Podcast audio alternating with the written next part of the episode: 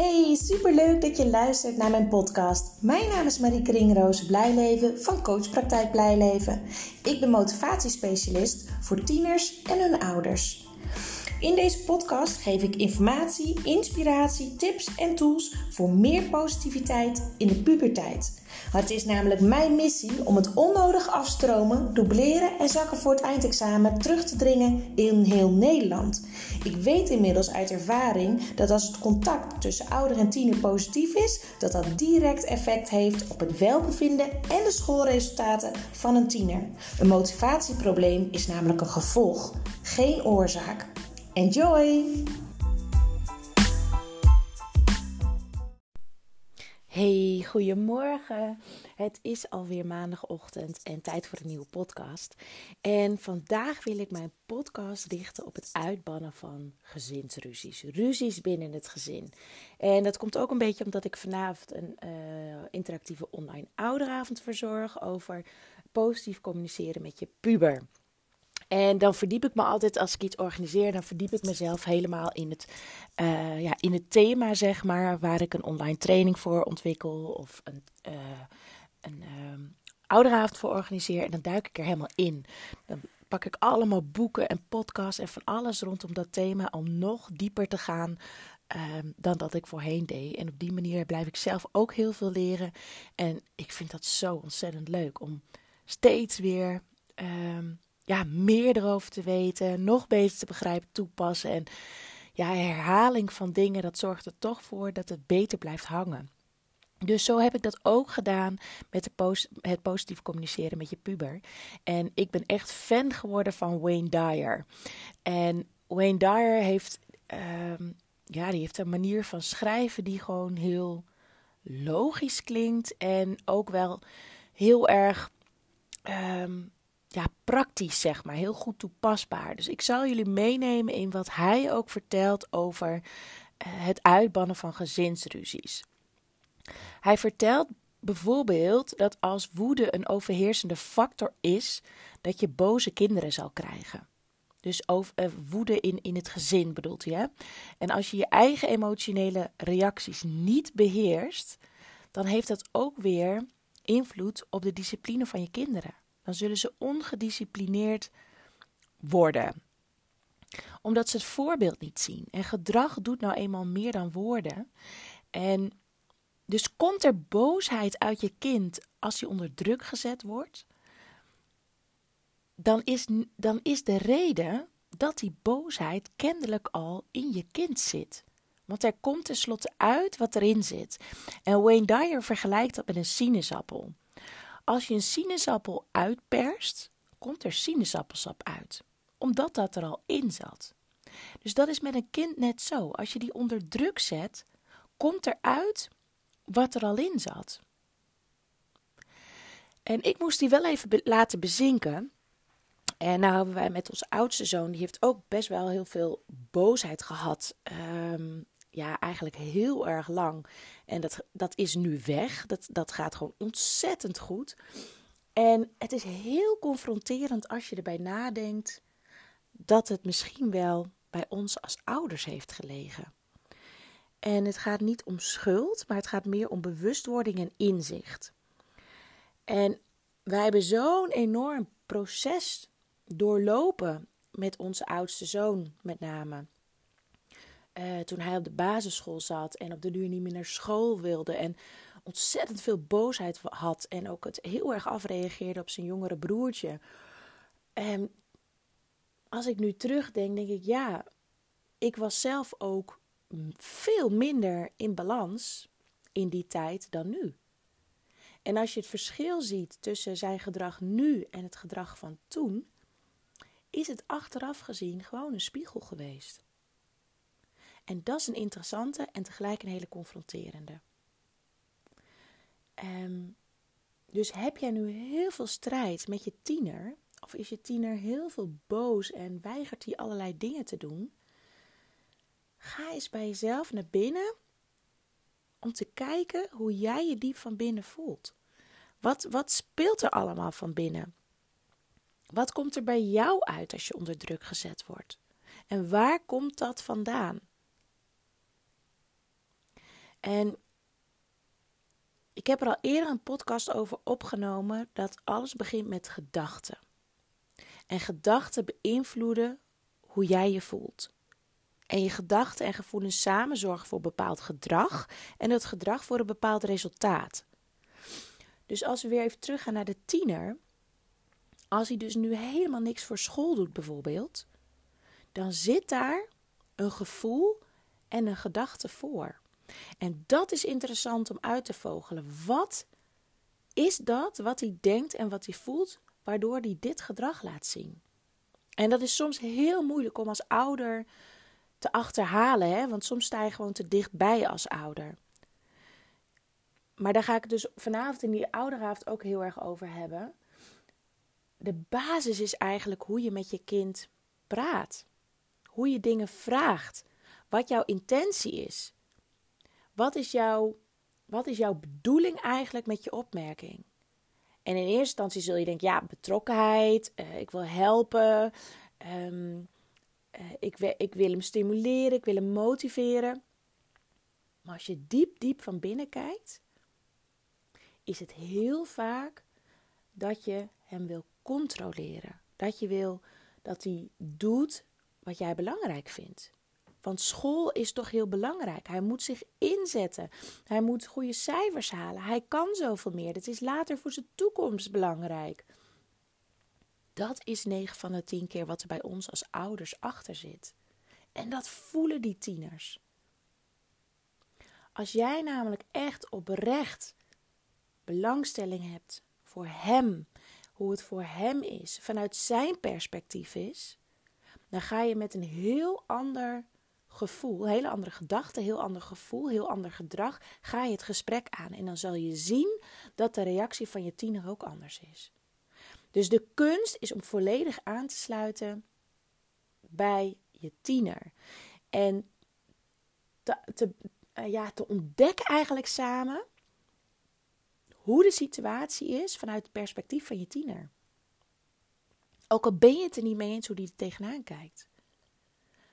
Want het, het mooie is, en ik vind dat echt fantastisch. Ik ben zelf heel actief met de wet van aantrekking.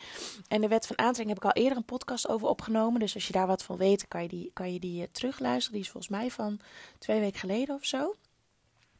En dat werkt zo goed. In de zin van focus je op datgene wat je wel wil. Focus je op het positieve.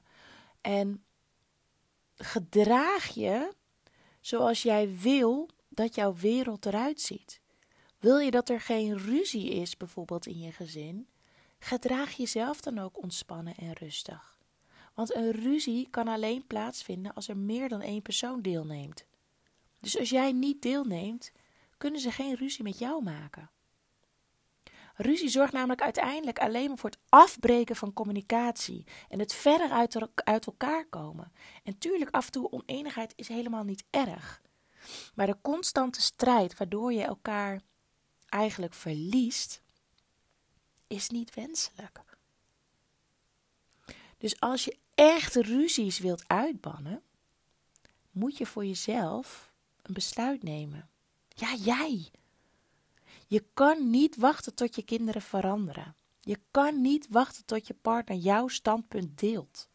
Het is aan jou. Jij kan stappen maken waardoor er meer rust en positiviteit in je gezin komt. En misschien denk je nu, ja, ik heb al zoveel geprobeerd en ik heb al zoveel aangepast en zoveel veranderd. Ik ben er wel een beetje klaar mee. Nou, nou mogen die anderen eens.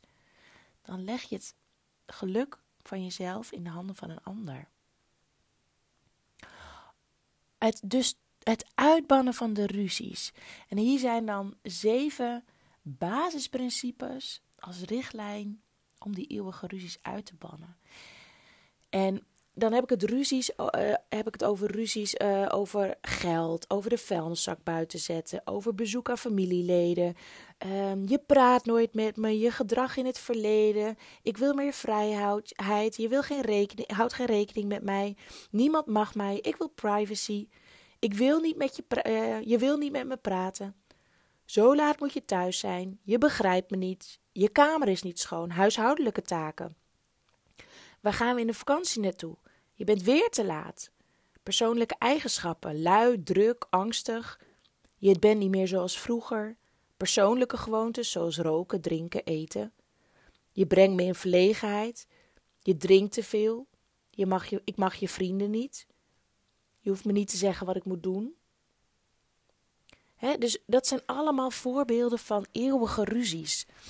Nou, en hier zal ik dus de zeven basisprincipes uh, als richtlijn voor het uitbannen van ruzies met jullie delen.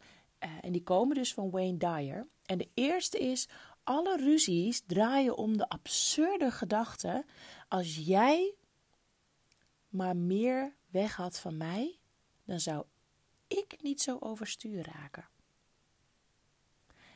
En dat is natuurlijk een rare, want je kan een ander helemaal niet veranderen. Je kan helemaal niet van een ander verwachten dat hij hetzelfde als jou doet of denkt.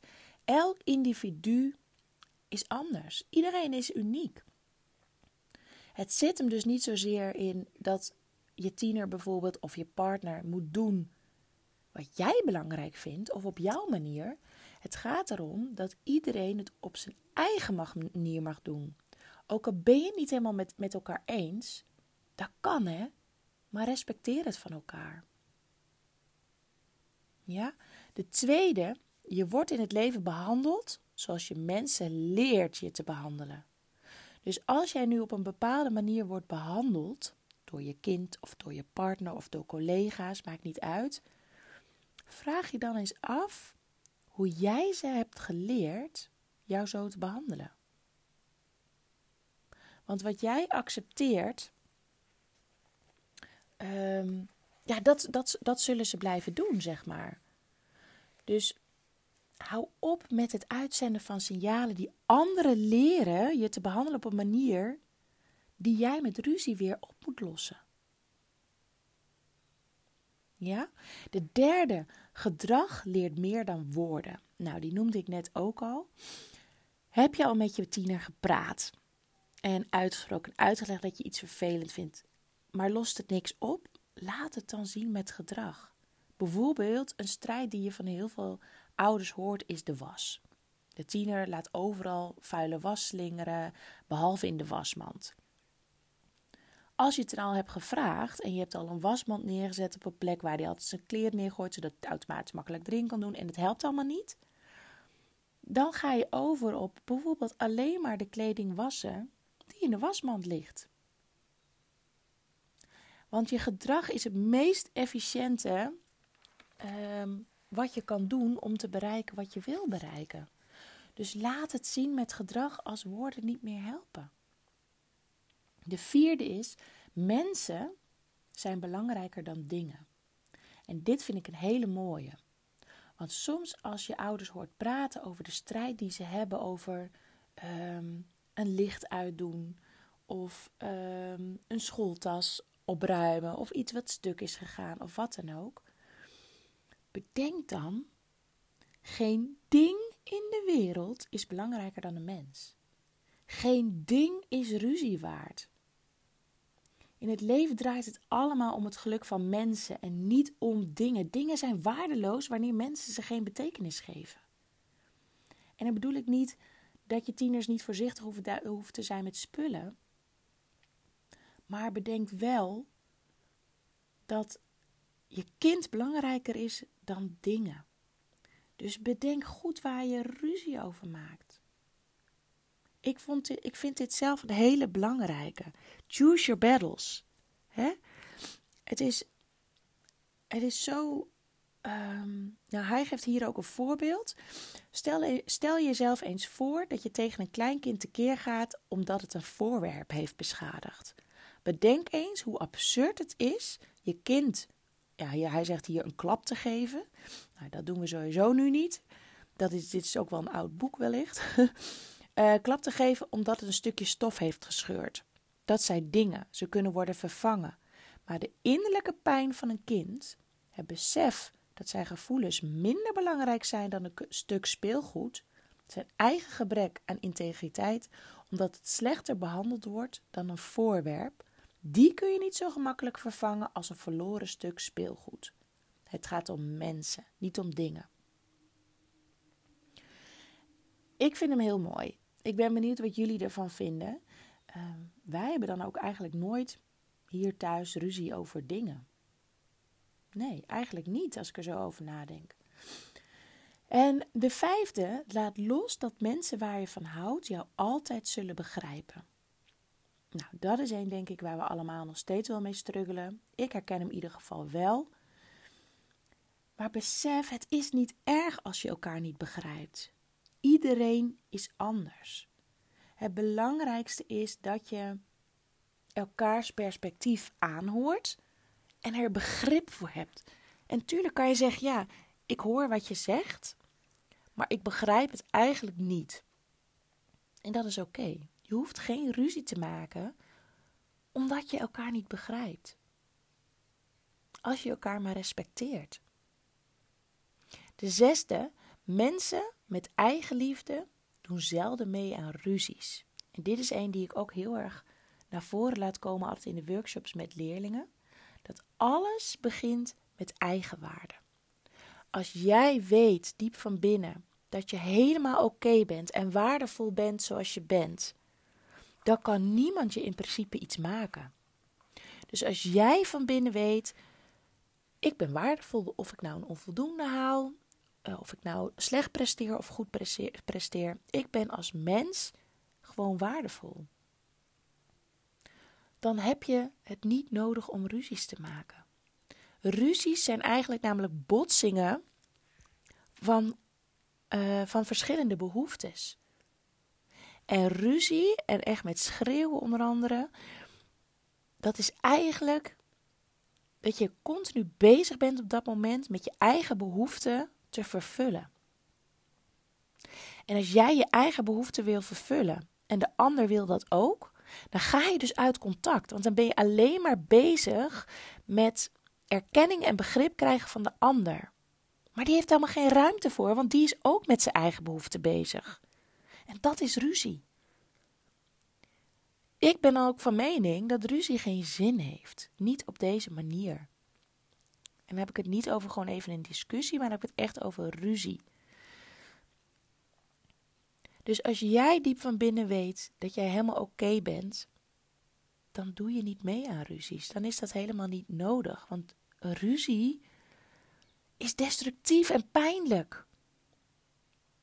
En als je jezelf ziet als een belangrijk mens, zal je niet toestaan dat je te dik wordt, verslaafd raakt aan, een, aan drugs of iets dergelijks, of geplaagd wordt door schuld of zorgen of, of wat dan ook.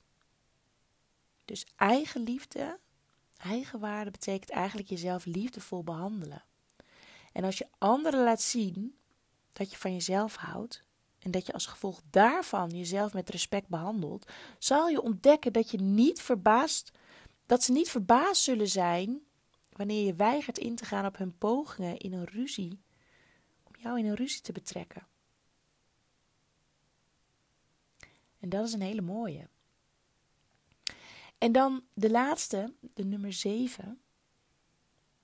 Je laten betrekken in een ruzie is een keuze.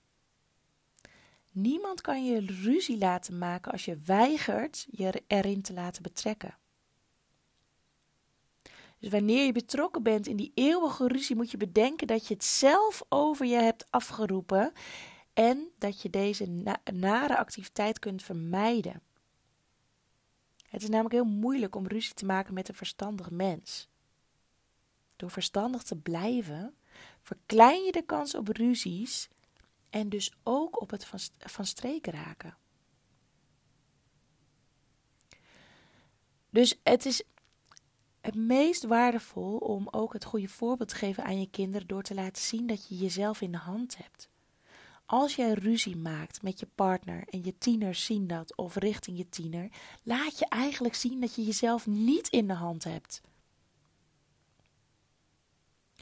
En wat er dan ook gebeurt, is dat ze anderen sneller de schuld zullen geven van ruzie.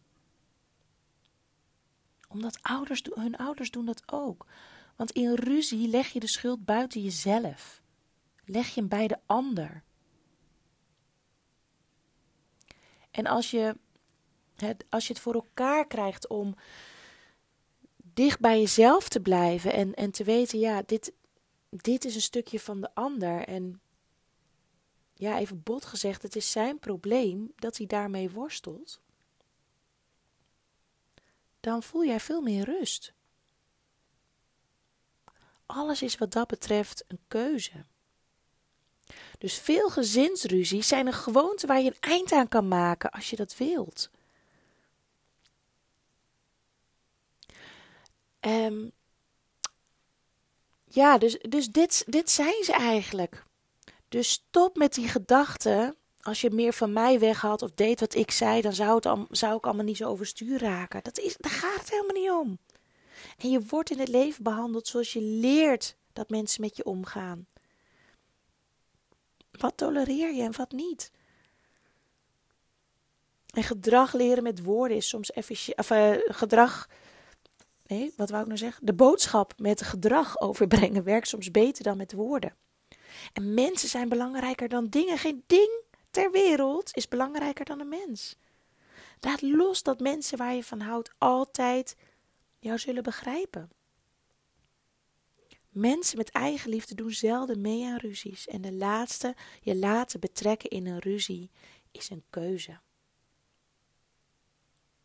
Dus begin nu bij jezelf. Begin eens vandaag om voor jezelf helder te krijgen hoe jij graag wil dat het thuis gaat. Wat vind jij belangrijk? Is het de moeite waard om die eeuwige strijd over school, huiswerk, prestaties voor te zetten? Ik denk het niet. De basis is namelijk het goede positieve contact. Dus begin eens met echt het leren kennen van je kind. Ik heb dat ook gedaan bij mijn oudste zoon. Ik ben samen met hem gaan gamen. Ik heb met hem meegedaan met Fortnite. Ik ben vragen gaan stellen daarover. Ik ben gaan vragen welke filmpjes die kijkt op, op, op TikTok en dergelijke. Toen is hij mij filmpjes gaan doorsturen die hij leuk vond. En daardoor weet ik waar hij mee bezig is. Hij merkt dat ik interesse in hem heb als persoon. En dat ik niet continu alleen maar met school bezig ben. ben. Zijn schoolprestaties zeggen niks over hoe waardevol hij is.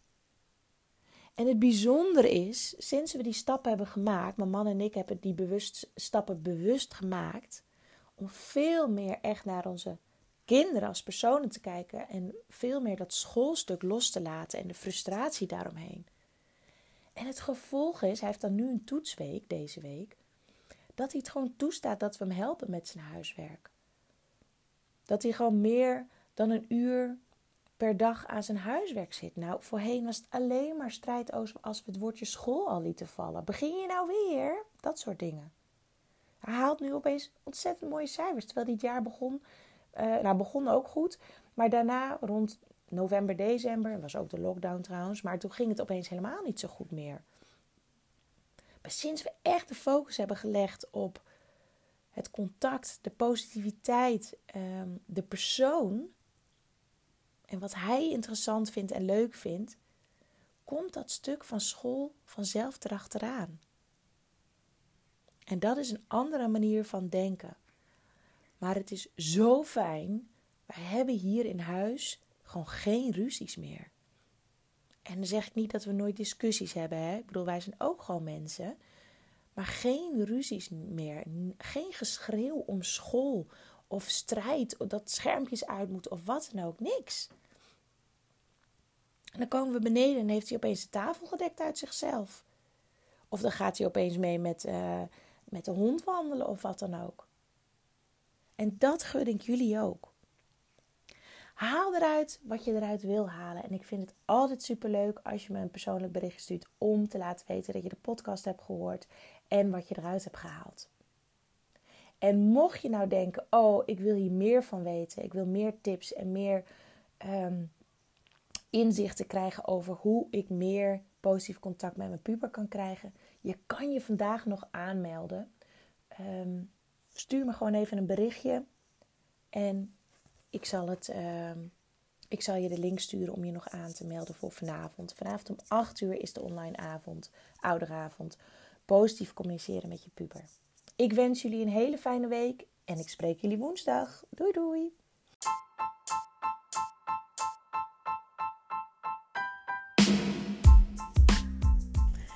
Dit was weer de aflevering van deze podcast. Ik hoop dat je het leuk hebt gevonden, dat je er veel informatie, tips en inspiratie uit hebt kunnen halen. Ik ben ontzettend benieuwd wat jij van deze podcast vond en wat je eruit hebt gehaald. Want ik neem ze op, maar ik wil heel graag weten hoe het is voor jou als luisteraar om dit allemaal te horen. Wil je mij dat laten weten via een persoonlijk berichtje? Dan vind ik dat hartstikke leuk. Wil je andere ouders motiveren, stimuleren? En inspireren met deze podcast, deel het dan op social media. En wil je mij contacten? Dat kan via www.coachpraktijkblijleven.nl. En wie weet spreken we elkaar snel. Fijne dag!